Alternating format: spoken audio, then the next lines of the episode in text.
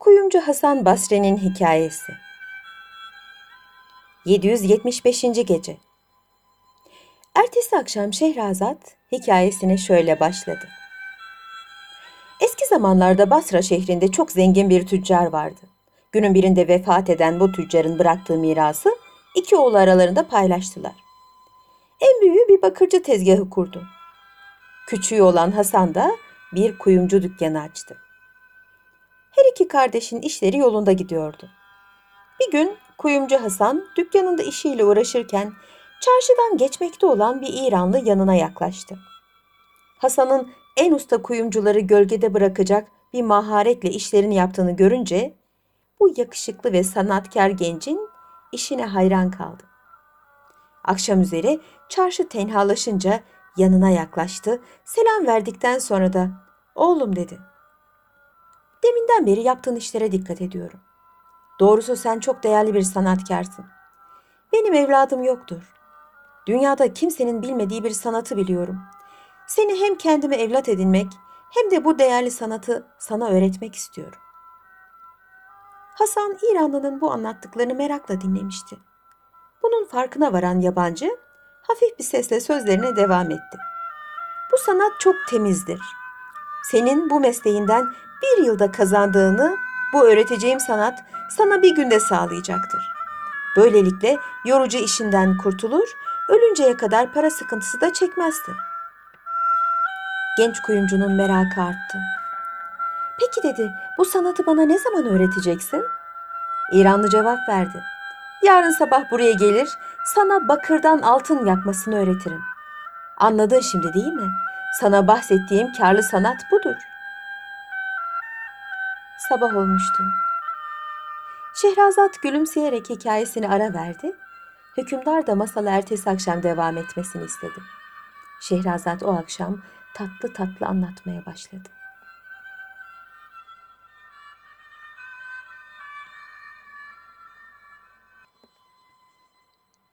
...776. Gece Hasan bu işe çok sevinmişti. Hemen dükkanını kapayarak eve gitti. Annesine İranlı'nın kendisine öğretmek istediği kazançlı meslekten bahsetti. İhtiyar ve tecrübeli kadın, oğlum dedi, bu adamlar düzenbazdırlar. Senin gibi toylara böyle olmayacak şeylerden bahsedip akıllarını çelerler ve onları kafese koyup giderler. Hasan Basri annesinin sözlerini keserek. Anne dedi, bu öyle bir adama benzemiyor ağırbaşlı, efendiden bir adam. Hem beni aldatıp eline ne geçecek? Biz şöyle böyle geçinen insanlarız. Genç kuyumcu o gece sabaha kadar uyumadı. Ertesi gün Şafak'la beraber kalkıp dükkanına gitti. İranlının kendisini beklediğini görünce de çok sevindi. Elini öperek hatırını sordu, dükkanı alıp en iyi yere oturttu. İranlı biraz dinlendikten sonra Hasan'dan bir bakır parçası istedi. Hasan kendisine kırık bir bakır sahan verdi. İranlı sahanı birkaç küçük parçaya ayırdı. Dükkanda bulunan ve bakır vesaire madenlerin eritilmesi için kullanılan bir kaba koydu. Altındaki ocağı yaktı. Bakır su haline gelince külahının altında sakladığı küçük bir kağıt paketini çıkardı. İçinde bulunan sarı bir tozdan bir tutam kadar alıp kabın içine koydu. Çok geçmeden o eriyen bakır parçaları bir altın külçesi oluverdi. Bunu gören Hasan'ın aklı başından gitti. O sırada İranlı'nın kaptan çıkarmış olduğu altın külçeyi inceden inceye gözden geçirdi. Hakiki altın olduğunu gördü. İranlı'nın elini öperek onu tebrik etti. İranlı pişkin bir tavırla ona altın külçesini vererek "Şunu al, sat. Ne para getirirse senindir. Yalnız kimseye bir şey açma." diye tembih etti. Genç kuyumcu hemen altın külçesini alarak çarşının tellalına verdi. Kısa bir zamanda 15 bin dinara talibi çıktı. Hasan parayı alıp eve koştu. Annesine paraları verip her şeyi anlattı. Kadın sevinmekle beraber yine de bu işin sonundan korktuğunu oğluna söylemekten kendini alamadı. Kuyumcu Hasan Basri annesinin sözlerine ehemmiyet vermeyerek ertesi sabah evde bulduğu kocaman bir bakır havanı alıp dükkana götürdü. Biraz sonra gelen İranlıya bunu altın yapmasını söyledi. İranlı güldü. Sen çok toy bir gençsin. Biz böyle her gün altın yapıp çarşıda satarsak halkın dikkat nazarını çekeriz. Hakkımızda hayırlı olmaz. Biz bu işi ancak senede bir defa yapabiliriz. Dün aldığın para sana bir sene bol bol yetişir. Bunun üzerine Hasan, İranlıya kendisine altın yapmak sanatının inceliğini öğretmesi için rica etti. İranlı dudaklarına büktü ve oğlum dedi bu iş böyle çarşının ortasında öğretilmez. Benimle beraber evime gelirsin, orada sana bu sanatı öğretirim. Hasan bunu işitince hemen dükkanını kapadı, İranlı ile beraber evin yolunu tuttu. Fakat çok geçmeden genç kuyumcu annesinin sözlerini hatırladı. Geriye dönmek istedi. Bunun farkına varan İranlı. Ben senin iyiliğin için çalışıyorum, sense benden kuşkulanıyorsun. Ma mafih istersen sizin eve gidelim orada öğreteyim deyince Hasan bu teklifi kabul etti. Kendilerine kapıyı açan annesine olanı biteni anlattı. Kadın bunda bir mani görmeyerek oğlunun misafirini eve almasına müsaade etti. Yine sabah oluyordu. Hükümdar masala ertesi akşam devam edilmesini istedi. Şehrazat da yarıda bıraktığı masalına ertesi akşam şöyle devam etti.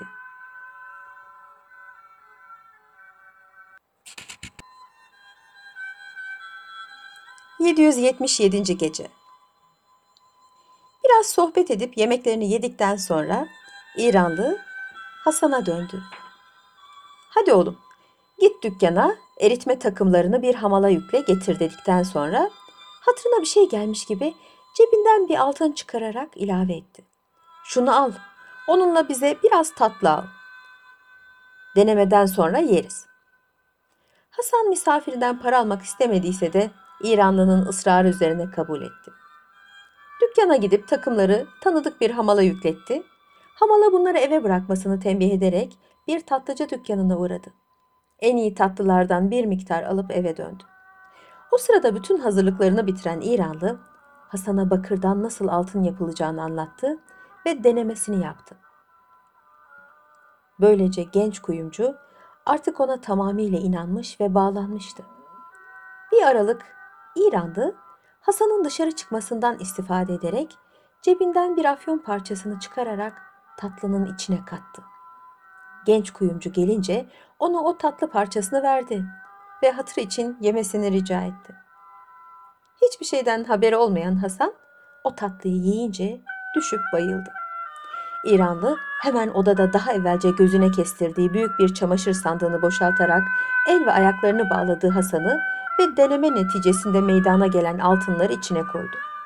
O sırada komşuya giden Hasan'ın annesinin bulunmamasından istifade ederek sokağa çıktı. Bir hamal bulup sandığı sırtına yükledi. Şehrazat bu meraklı hikayesini burada kesmek zorunda kaldı. Çünkü artık sabah olmuştu.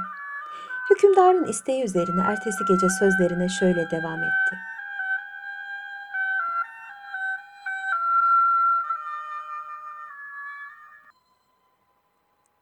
778. Gece İranlı hamalın sırtına sandığı yükletirken kendi kendine sevinçle mırıldanıyordu. En nihayet elime düştün Hasan.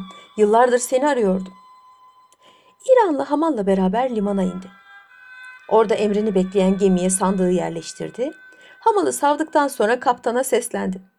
Hadi yelkenleri açın. Basra'daki işimi bitirdim.''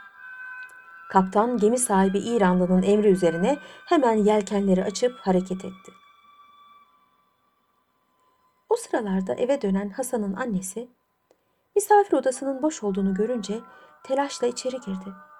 Bir sandığın boşaltılıp yok olmasından odanın halinden şüphelendi. Oğlunu her tarafta aradı. Bulamayınca korktuğu şeyin başına gelmiş olduğunu da anladı. Zavallı kadın biricik oğlunun bir tuzağa düşürülmüş olmasından çok üzüldü. Gece gündüz ağlamaya başladı. Hasan'ı kaçıran İranlı ise geminin karadan bir hayli uzaklaşmış olduğunu görünce sandığı açtı. Genç kuyumcunun bağlarını çözdü ve ona uyandırıcı bir ilaç koklattı. Hasan gözlerini açtı, etrafına bakındı. Kendini denizin ortasında bir gemide görünce de çok şaşırdı. Biraz sonra her şeyi hatırladı. İranlı'nın kendisini kaçırdığını anladı. Annesinin öğütlerine ehemmiyet vermediğine pişman oldu. Meğer kendisine bu kötülüğü yapan İranlı ateşe tapan bir mecuziymiş.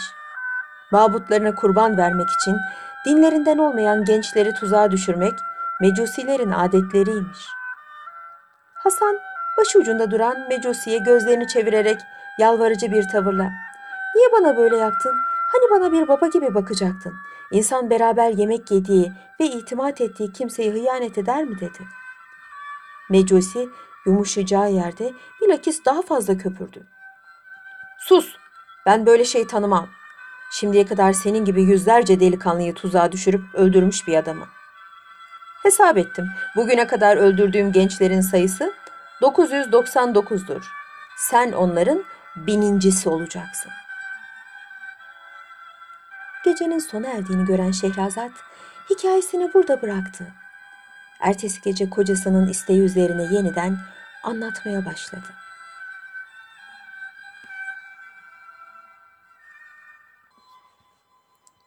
...779. Gece Hasan Mecusi'nin kendisini serbest bırakmayacağını anlayınca mukadderata boyun eğmekten başka çare bulamadı. Mecusi bir aralık bağlarını çözdü. Adamlarına kendisini ekmek ve su vermelerini emretti.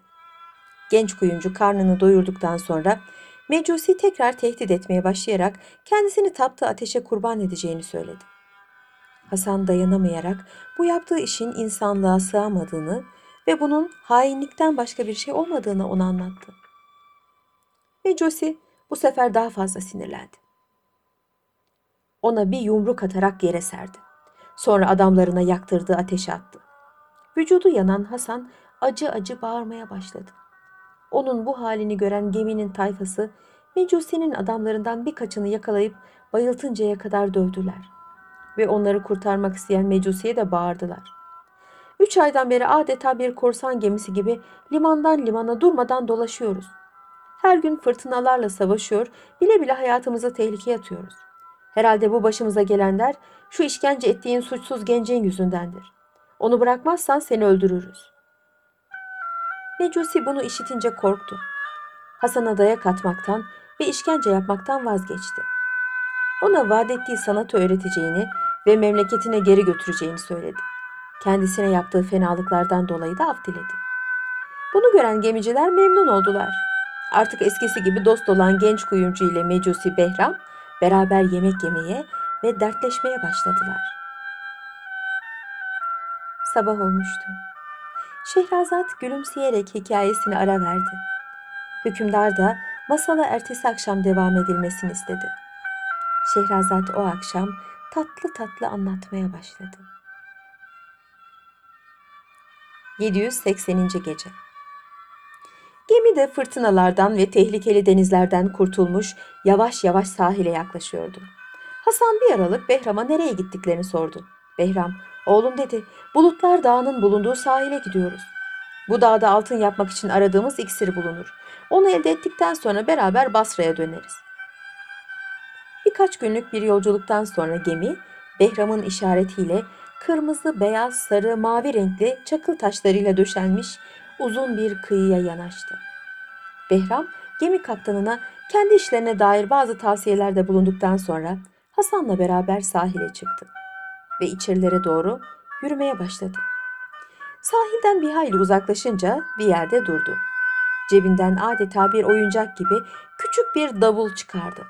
Üzerinde sırmayla işlenmiş garip nakışlar ve işaretler bulunan bir deri parçasıyla bir şeyler çalmaya başladı. Çok geçmeden biraz uzaktan bir toz tabakasının korkunç bir şekilde havaya yükseldiği görüldü. Bir hayli şaşıran Hasan bunun ne olduğunu Behram'a sordu. Korkma evladım dedi. Artık benden sana fenalık gelmez.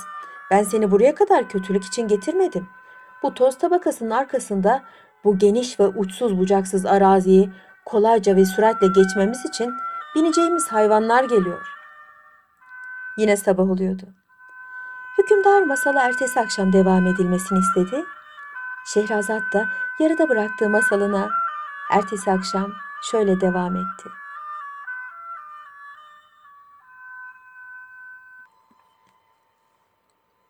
...781. Gece Behram daha sözlerini bitirmeden üç at yanlarına geldi. Birisine Behram, ötekine de Hasan bindi. Üçüncüsüne de öteberilerini yükleyerek yola koyuldular.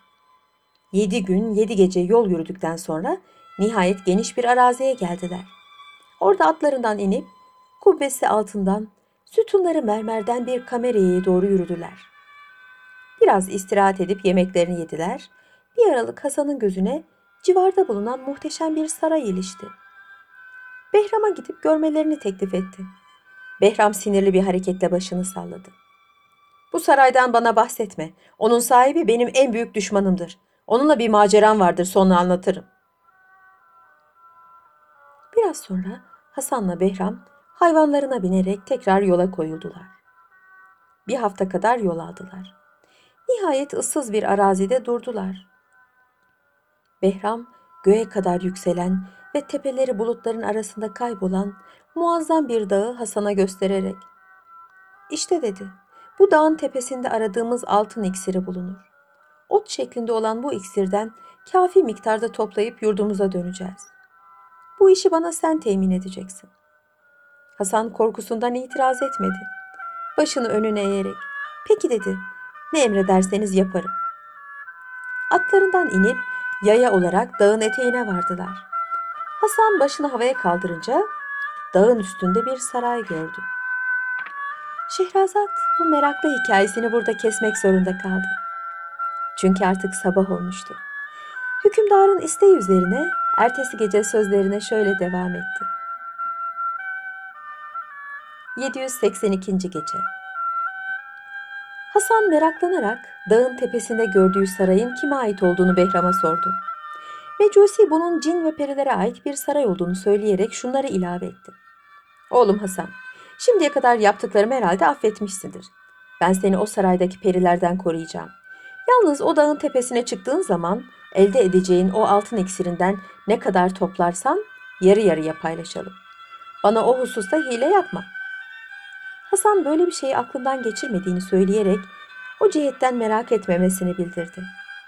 Bunun üzerine Behram bindikleri atlardan birisini kesti, derisini yüzdü, içini boşaltarak kendisine hayretle bakan Hasan'a şunları söyledi. Senin kolayca dağa çıkmaklığın için bu kestiğim hayvanın içine girip saklanacaksın. Ben de üzerine dikip yanından uzaklaşacağım. Çok geçmeden kartallar gelip seni havaya kaldıracaklar. Bir yere konduklarını anlayınca yanına vereceğim. Bıçakla hayvanın dikilen yerlerini kesip dışarıya çıkacaksın. Kuşlar seni görünce bırakıp kaçacaklar. İşte o zaman bana seslenirsin, ben de sana ne yapacağını söylerim. Behram bu izahatı verdikten sonra yanına hazırlamış olduğu bir miktar ekmek ve suyu Hasan'a verdi ve hemen kestiği hayvanın içine girmesini tembih etti. Yanından uzaklaştı. Aradan çok geçmeden leş kokusunu alan kartallar gelip keskin pençeleriyle hayvanı havaya kaldırdılar. Hasan kartalların dağın tepesine geldiğini anlayınca Behram'ın kendisine verdiği bıçakla atın karnını yarıp dışarıya çıktı. Gecenin sona erdiğini gören Şehrazat hikayesini burada bıraktı. Ertesi gece kocasının isteği üzerine yeniden anlatmaya başladı.